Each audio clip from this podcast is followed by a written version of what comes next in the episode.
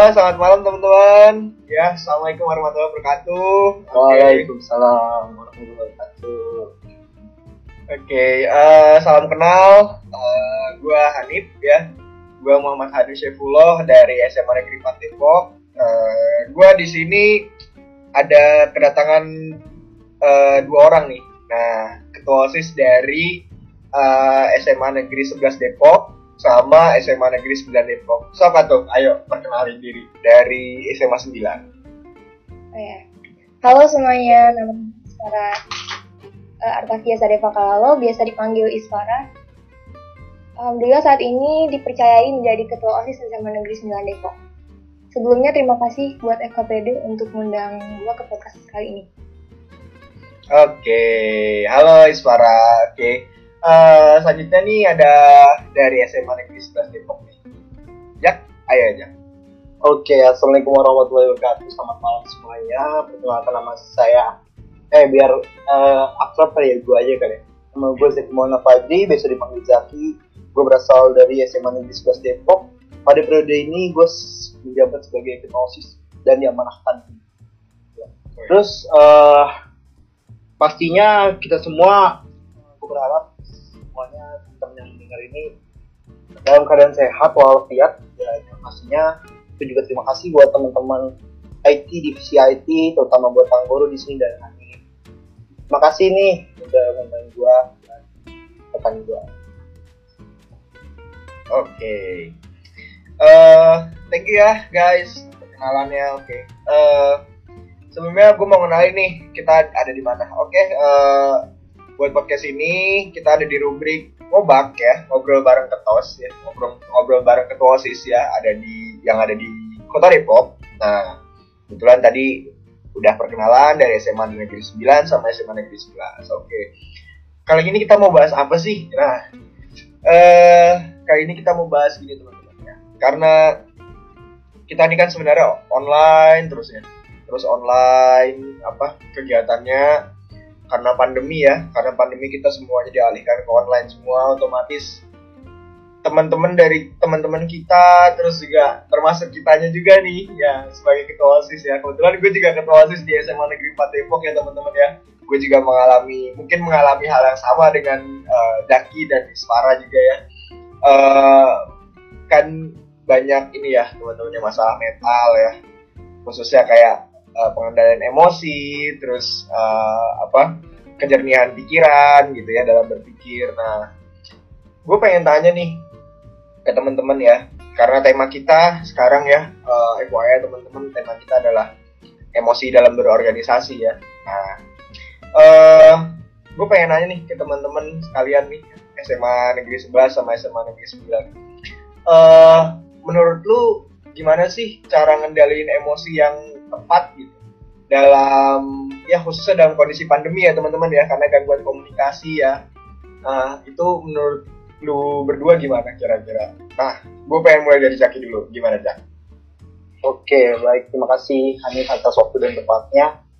Yang pertama bagaimana sih solusi apalagi di masa pandemi ini mengenai masalah emosional dari eh, anggotanya dari ketuanya? Kita lihat dari ketuanya dulu nih. Kalau misalkan kita lihat dari anggota kan pastinya anggota melihat dari contoh ketuanya dulu kan.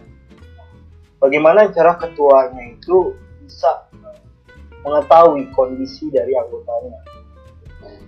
Pertama eh, kalau cara gua untuk menyelesaikan masalah emosional apalagi masalah mental health eh, anggota di organisasi gua yang pertama adalah gua akan melakukan survei. Ini kalau di SMA Negeri 11 Depok khususnya di MPK OSISnya belum ada sebelumnya masalah survei survei. Jadi gue survei anggota-anggota gue dari masalah perizinan dulu orang tua. Bagaimana sih antara orang tua dan anggota? Apakah tipe orang tuanya bagaimana dan semacamnya? Itu gue tanya.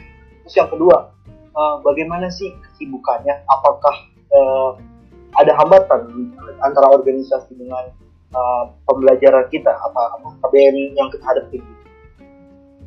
Nah di situ kalau kita sudah mengetahui seluk beluk pasti uh, dari hasil survei itu kita tahu bagaimana sikap dan em- tingkatan emosional yang dimiliki anggota kita. Nah, setelah itu ketika kita sudah bisa menilai atau ibaratnya bisa mengetahui emosional dari anggota kita, kita akan melakukan yang namanya uh, apa ya peningkatan peningkatan individu gitu. Dan misalkan kan di masa pandemi ini kan nih yang masalah poker offline. Apa yang kita tanam di poker online ini sebenarnya kan sama aja ya dengan poker offline bedanya ya kita melalui online melalui ya Zoom atau semacamnya. Di situ uh, yang bikin gue tertarik ya, dari poker offline dan online ini sebenarnya kan orang mengapain beda menurut gue sama aja kan? Terus ya pastinya uh, gue akan mencoba uh, memberikan motivasi pada mereka agar ibarat kata tidak putus asa karena yang akan rasain ke depannya ini bukan gue lagi. Gue mungkin satu tahun lagi akan mindset ini untuk mereka. Jadi gue akan memberikan pembekalan itu supaya mereka tidak pesimis oke kita menghadapi sekarang uh, broker online. Ntar kamu uh, kalian uh, semoga jangan kaget ya di poker offline nanti. Makanya itu gue bikin namanya sistem simulasi poker offline dari poker online. Contoh gue bikin spesifik itu ada podcast ataupun video tentang introduction. Nah video ini atau poker ini yang pertama bertujuan pastinya untuk menja menjadikan media sosial atau konten-konten online ini menjadi media informasi dan kontribusi untuk uh, uh, apa organisasi di sekolah kita. Nah, maka dari itu di situ kita bisa melihat kinerja uh, teman-teman kita, adik kelas maupun teman sebaya kita. Kita bisa lihat dan juga buat adik kelas kita kan itu juga buat apa ya? Pembelajaran lah biar dia tidak kaget misalkan uh, berhadapan dengan tokoh. Paling yang paling utama adalah untuk mengatasi emosional yaitu jangan selalu menekankan. Apalagi masalah senioritas. Gue menghapuskan senioritas di sekolah gue karena ketika kita apa ya balik kata menggeneralisir diri kita yang pasti yang pertama yang bikin orang udah itu pasti unek-unek mereka kayak apaan sih kakak kelas? Kita ya baru gini aja udah marah-marah. Jadi jadikan kamu uh, jadikan eh, apa ya kamu itu sebagai pemimpin yang bisa benar-benar memimpin suatu organisasi atau suatu kelompok. Jangan hanya bisa menyuruh doang seperti bos yang tidak bisa gaji orang. Itu aja sih. Wis, gokil gokil. Gila tadi tadi wah gila. Jaki udah maparin kayak ah gimana sih emosi tuh. Nah, terus habis itu uh, apa sampai dikaitin ke proker guys, gila. Sampai apa uh, broker terus juga prinsip dia dalam memegang organisasi. Wah oke banget deh. Nah gue pengen tahu nih nah dari Spara. Nah kayak gimana tuh Far oke boleh. Sebelumnya boleh uh, diulang pertanyaannya soalnya tadi agak macet-macet. Oke uh, uh, gue ulang ya pertanyaannya. Nah uh, gimana sih uh, cara teman-teman uh, ngelola emosi dalam berorganisasi? Oke, jadi pemimpin uh, mulai dari bahas pemimpinnya dulu ya. Okay. Pemimpin, pemimpin itu merupakan kontributor terbesar ya untuk menggerakkan orang-orang yang ada di dalam organisasi. Nah, uh, pemimpin itu sejat, sejatinya itu dituntut untuk memiliki kecerdasan emosional yang baik. Karena hal itulah yang membawa seorang pemimpin untuk berhasil membawa organisasinya. Kalau ngomongin tentang emosi, menurut aku emosi itu pemantik ya. Pemantik untuk menggerakkan aku dalam melakukan sesuatu dan memang segala sesuatunya itu melibatkan emosi.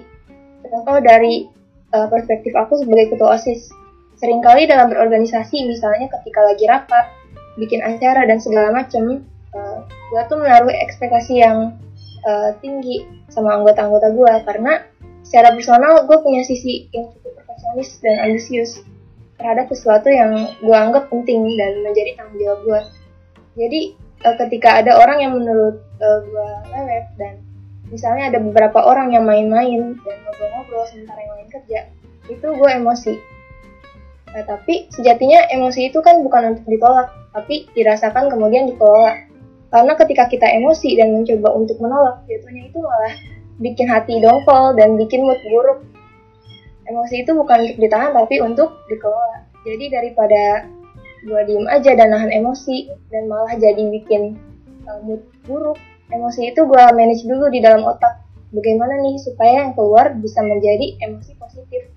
Nah di sinilah kecerdasan emosional itu harus main. Nah, keluarkanlah emosi dengan cara yang baik. Karena bukannya marah-marah kayak perintah-perintah gitu. Tapi bilang secara personal dengan bahasa yang baik dengan bahasa yang konstruktif bukan ngejudge nah dengan gitu kita bisa sama-sama paham kalau ini tanggung jawab kita bersama loh bukan beberapa orang aja. Jadi tujuan bersama lebih mudah digapai.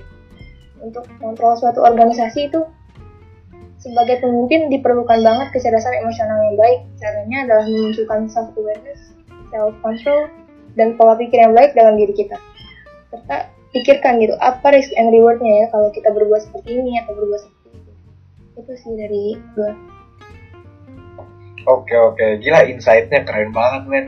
Kayak uh, lu tuh apa ya sebagai pemimpin apa ya kayak emosi tuh memberi peran gitu loh dalam dalam lu berorganisasi kayak buat menggerakkan diri lu, buat menggerakkan anggota lu, ya nggak? Iya.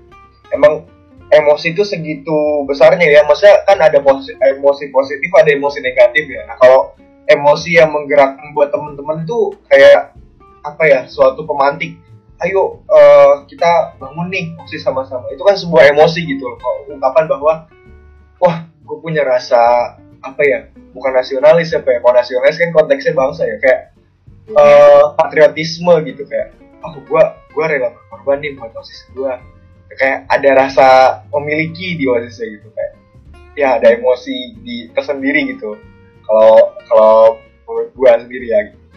Nah, idealis Nah, benar idealis. Nah, uh, gue pengen nanya lagi nih. Uh, kira-kira teman-teman itu menurut teman-teman ya, nih ya. Teman-teman ini kan uh, sebagai ketua OSIS kan sering dihadapkan kayak kondisi-kondisi pelik ya. Contoh kayak apa? perizinan. Nah, perizinan itu kan harus ngomong gimana gimana ke guru itu kan suatu hal yang complicated ya kalau gue ngomong begini nanti gurunya nanggepinnya gimana. Terus uh, kalau misalnya gurunya ngomongnya A gue bisa bisa dapat pengaruh apa ya buat organisasi gue nah itu kan salah satu pengambilan bentuk pengambilan keputusan yang emang harus apa ya yang harus cermat gitu. Nah menurut lu pada nih aja ya pada. Menurut teman-teman nih ya uh, teman-teman merasa nggak sih bahwa emosi itu sangat penting dalam mengambil keputusan gue pengen dari Ismara dulu coba. Gimana Pak? banget justru segala sesuatu segala sesuatu itu masuk mengambil keputusan itu um, melibatkan emosi. Nah emosi itu kan ada dua jenis ya emosi positif dan emosi negatif. Nah dalam mengambil keputusan kita perlu berpikir secara rasional dengan suasana hati yang lagi baik. Jadi kalau ditanya perlu apa enggak ya perlu. Kita perlu melibatkan emosi positif dalam mengambil keputusan karena di saat pikiran kita penuh dengan positivity, pikiran kita terbuka dengan kreativitas-kreativitas yang orisinil dan out of the box. Keputusan yang baik diambil dari pemikiran yang baik pula dan haram ya hukumnya untuk memutuskan sesuatu di saat kita sedang marah karena kalau lagi marah biasanya kita cenderung egois memutuskan sesuatu. Bisa-bisa salah dan berakibat buruk untuk ke depannya. Itu sih dari aku. Dari gue.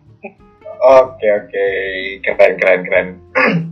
Jadi gitu ya teman-teman ya menurut Isfara sangat penting gitu kalau buat pengambilan keputusan karena ya tadi ada posi emosi positif ada emosi negatif. Nah kalau dari Jeki gimana Jack? Hmm, kalau gue dari pribadi sama, sebenarnya emosi itu sangat penting untuk mengambil keputusan yang pertama. Gini, banyak dari kita yang berorganisasi pasti uh, memiliki uh, prinsip tersendiri gitu. Kita bahkan nggak bisa apa membedakan antara egosentris dan idealis. Banyak itu orang yang organisasi kadang gua harus begini tapi temen gua melakukan hal yang uh, di luar prinsip gua. Itu kan jadi berkata bertolak belakang dong dengan apa yang gua tanemin di prinsip gua. Itulah fungsinya dari emosi positif. Kita bisa membedakan uh, waktu di mana kita uh, harus uh, mengeluarkan emosi positif itu dan bisa mengeluarkan emosi negatif itu. Jadi itu sebenarnya emosi positif dan negatif itu benar kata Iswara berguna sekali. Dengan waktu yang tepat pastinya ya kan? Terus yang tadi mengenai apa tadi? Berkaitan dengan pengambilan keputusan. Iya pengambilan keputusan juga juga jadi berbarengan dengan kita apa ya pokoknya berkaitan lah dengan kita apa emosi positif jangan ketika kita sudah lagi eh, ada aura negatif yang di sini di sekeliling kita terus kita marah kita salah kebijakan malah itu menjadi efek yang buruk teman kita khususnya anggota Oke oke oke keren keren satu. Berarti semua sependapat nih. Kalau eh, pengambilan keputusan ya dengan emosi yang terkontrol dan baik dengan pola pikir diimbangin dengan pola pikir yang jernih itu sangat penting. Nah sesuai di organisasi ya teman-teman. By the way dari tadi kayaknya ada suara kucing lucu banget dari Ispara ya. Eh, ada kucing soalnya. Oh iya, nggak apa-apa. Lucu kok kucingnya suaranya. Oke. Eh, gue mau nanya lagi nih, by the way, eh, kan lu sebagai ini ya, gimana ya? Orang sebagai leader tuh pasti ada ada sebuah clash dalam dirinya, apa ya clash biasanya? Pokoknya teman-teman itu pernah punya pengalaman kayak, wah, gue berubah banget nih. Nah, lu punya nggak sih pengalaman kayak eh gimana ya pengalaman ini tuh ngubah struktur emosi lu gitu kayak ngubah bener-bener hampir ngubah seluruhnya diri lu gitu kayak eh gue harus gue bisa berubah gara-gara kejadian ini nih. Nah coba Jak gimana Jak lu ada pengalaman nggak yang ngubah struktur emosi lu gitu ngubah tatanan emosi lu jadi lebih baik atau lebih buruk? Mungkin gue nggak tahu deh. Oke oke. Gua ada dua perspektif ya. Yang pertama kita ambil dari sisi leader dulu. Leader dituntut untuk berubah. Misalkan contoh kita masih punya sifat kekanak-kanakan gitu kalau misalkan kita mencontohkan itu di depan anggota kita di depan rekan-rekan kita maka yang akan yang dia apa ya hasil yang akan ditimbulkan itu malah jelek kan? Kita nggak punya karisma di bawah gitu kan? Nah, eh, apa ya? Gua ada satu eh, pengalaman gitu dalam gua apa ya gua ya ber- berorganisasi selama gua berorganisasi.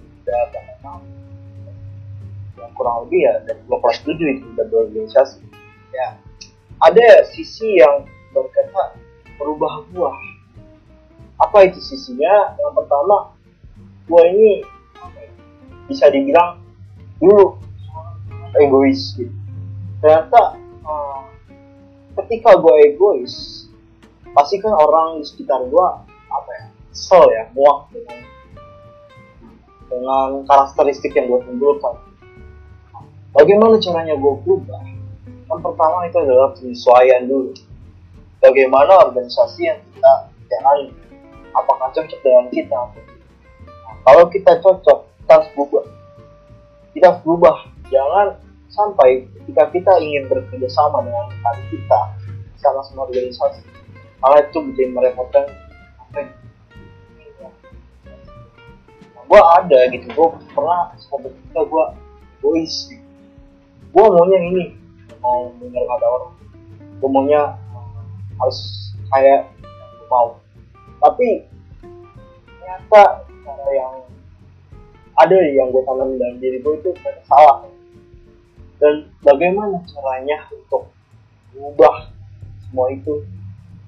Gue tanya temen gue sebenernya gue tuh harus dari mana sih sob ternyata temen gue kalau lu mau sesuatu itu tanyakan diri lu sendiri lu sebenarnya lagi ngapain?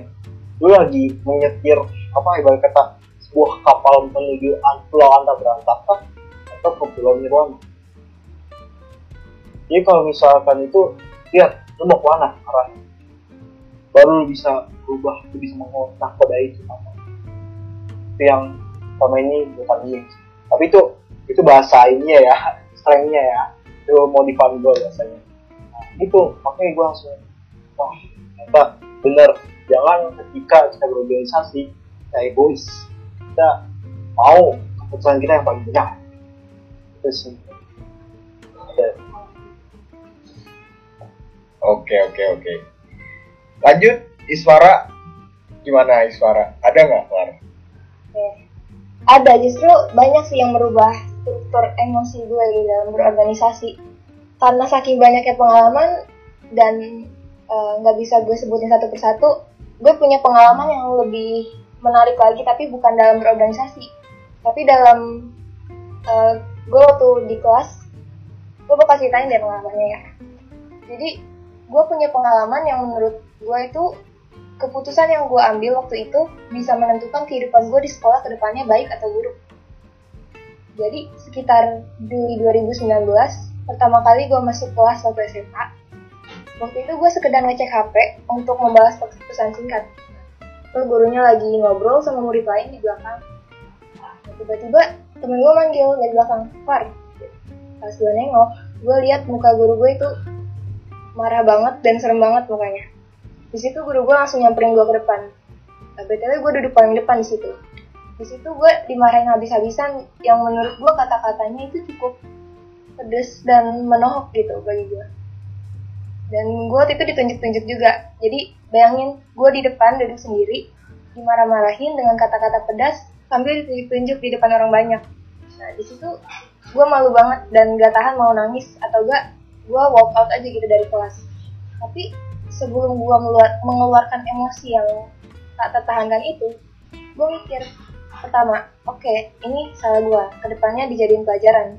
Gitu. Kedua, um, gue mencoba positive thinking gitu. Guru ini udah cukup senior, jadi maklumin aja kalau gaya marahnya seperti itu. Di situ aku nerima, gue nerima dan ngelola emosi gue.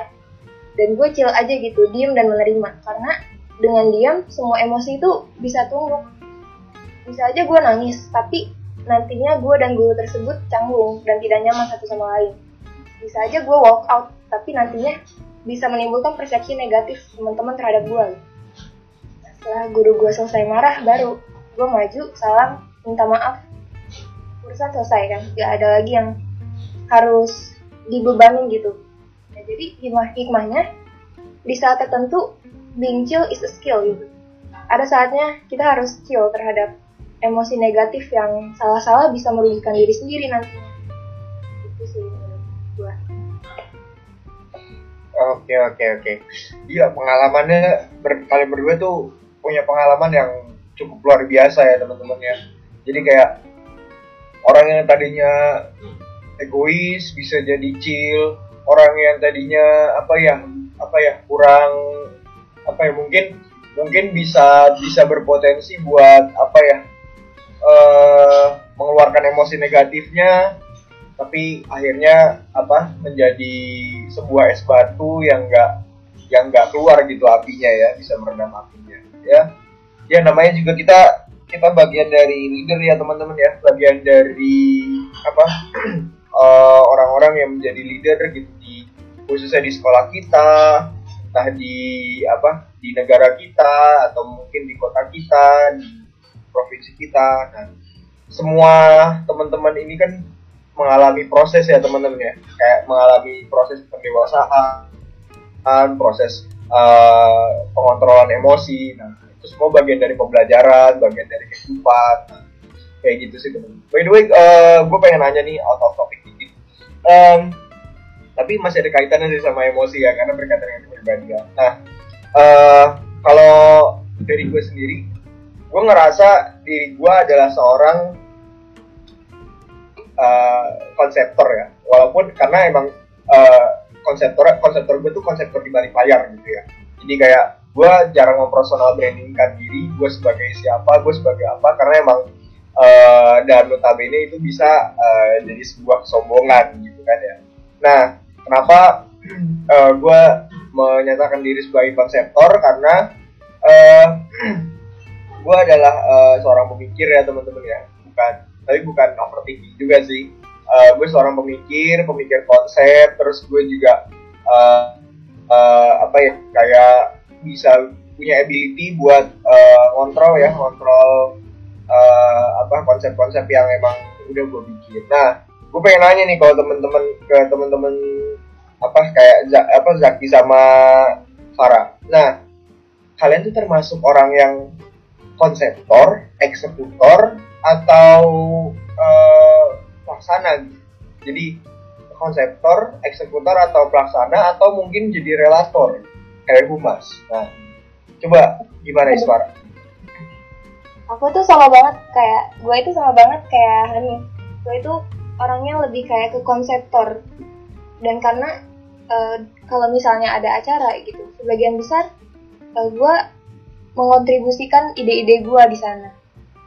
Dan emang gue kepribadiannya itu lebih pemikir gitu daripada pelaksana. Bisa juga sih kalau jadi pelaksana tapi gue tuh lebih pemikir gitu. Lebih jadi konseptor daripada eh, pelaksana. Itu sih. Oke oke oke. Berarti berarti ya harusnya kita kalau kalau kalau podcastnya offline nih kita bisa tosan nih kalau kita sama-sama konseptor mengenal diri kita sebagai konseptor. iya. Kalau Jaki gimana Jack? sebenarnya gue mau beda dikit kali ya boleh kali ya beda dikit apa ya diktator kali ya yang dari Apa diktator?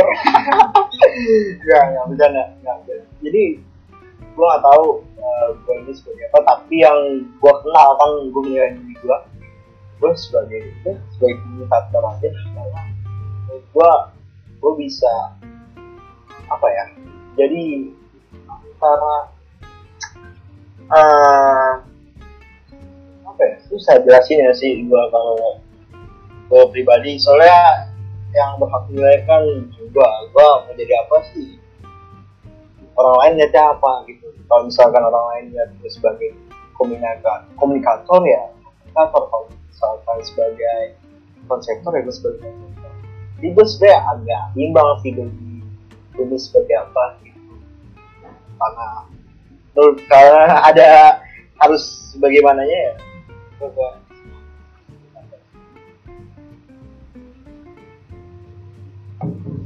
Oke.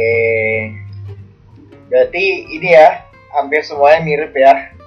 Kayak Jaki tadi ada ini ya ada irisan-irisan sebuah seorang eksekutor atau pelaksana gitu.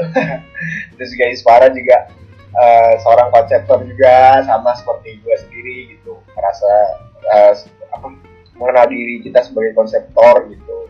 Nah, eh, kalau kayaknya buat apa buat podcast kali ini cukup sekian ya teman-teman ya karena eh, udah malam juga terus juga mungkin eh, teman-teman punya kegiatan lain. Nah eh, by the way gue mau ngucapin banyak terima kasih ya buat Iswara sama Zaki yang udah mau diundang sama Forum Persatuan Pelajar Depok ya di dalam program podcast ini ya di konten ngobat ya ngobrol bareng ketua osis. Nah paling gue mau ngucapin eh, selamat bertugas ya buat teman-teman ya di SMA 11 sama SMA Negeri 9 gue pengen ngucapin selamat bertugas karena kita teman-teman seperjuangan juga karena kebetulan gue juga ketua OSIS Eh, selamat bertugas terus juga selamat mengemban amanah terus eh, semoga OSISnya sukses selalu terus eh, apa ya kalau misalnya ada pensi ya kalau misalnya ada pensi semoga Ya. Oke. Lu ada pensi gak, Far? Di sekolah lu? ada waktu itu udah pengen eh, udah sempat ini juga cari dana juga tapi karena pandemi jadi tertahan Oh, iya, iya, benar. Tapi ada rencana virtual gitu nggak? Atau gimana? kenapa Ada rencana pensi virtual gitu ada nggak? pensi virtual Em, kita lebih sabar sih buat pensi offline karena wu- pengen wujud nyatanya gitu kan Iya, iya, iya. Lu gimana, Jan? kalau gue sendiri sih gue ada ada plan A plan B sih pastinya kan. Dari sekarang sih udah nyari dana mau sponsorship ataupun dari jualan. Ada sih kalau misalkan emang memungkinkan untuk diadakan offline kita ada offline pokoknya gue titip nih buat ketua osis kota Depok dan Jawa Barat mungkin ya. Uh, agar tetap semangat meskipun kita kita pemimpin di kala pandemi gitu. Gua oh, ingin jangan kalian pesimis apalagi ibarat kata yang udah apa ya jangan ya pokoknya jangan gampang gampang itulah kita, harus- kita sebagai seorang pemimpin kita kayak diri. Kalau misalkan kita harus kayak diri bagaimana orang lain ya Oke oke, berarti berarti dua-duanya defensi ya. Tadi mau apa, Tara? Gue pengen nitip pesan aja nih buat eh, semua pemimpin di kota Depok. Ya, Meskipun pandemi kayak gini, tetap eh, positif selalu, tetap eh, optimis selalu, karena dengan positif dan optimis kita bisa lebih kreatif ke depannya gitu. Ya, semangat selalu dan sukses. setuju setuju setuju setuju apalagi buat bapak Hanif ini yang sebagai Udah udah, gak usah gitu, gak usah gitu. Oke. Paling cukup sekian ya teman-teman ya. Eh, teman-teman, eh, gue mau nyampein sebuah applause ya standing applause buat teman-teman yang apa ya sebagai pelajar kota Depok, sebagai pelajar Indonesia, sebagai pelajar Jawa Barat ya kita sebagai eh, pelajar Jawa Barat dan pelajar Kota Depok kita sudah berjuang di masa pandemi ya dalam dalam masa yang serba sulit dalam dalam keuangan dalam apa apa sorry keuangan terus juga dalam apa menjalankan event ya sebagai pemimpin Kota Depok. Nah, gue berharap kita bisa melalui ya melalui semuanya dengan selamat dengan baik dan dengan eh, tidak mengorbankan eh, hal-hal yang kita cintai dan yang kita hargai. Nah, gitu teman-teman. Nah ya betul. ya teman-teman yang lain mau nyampaikan closing statement statement silakan. Apa Istara mau duluan? Suara duluan. Gimana deh, boleh? gimana ki? Gimana ki? Oh coba gue dulu. oke gue oh gue dulu ya, terima kasih pastinya buat teman-teman FKPD khususnya di sini ada Hani dan Puro dan juga Isfara sebagai rekan podcast pada malam hari ini. Gue sangat eh, apa ya sangat berterima kasih pastinya. Terus yang kedua sangat bangga pelajar kota Depok yang ibarat kata masih bisa produktif dalam pandemi ini. Yang pastinya kita sebagai pemimpin masa depan Indonesia eh, janganlah eh, apa ya jangan jadikan rasa malas kita ini jadi pedoman kita gitu. Jadikan rasa semangat kita ini yang membara. Agar teman-teman kita sebagai kita khususnya kita sebagai penerus tongkat estafet pemimpinan bangsa agar tetap bisa menjadikan Indonesia ini negara yang maju.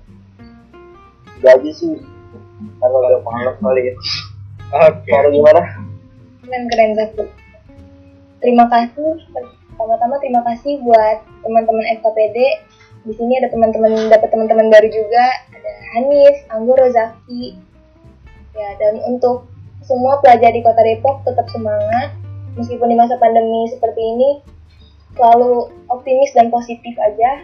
Jangan sampai negatif thinking, nanti imunnya turun. Um, sehat selalu, stay safe. Udah sih itu aja.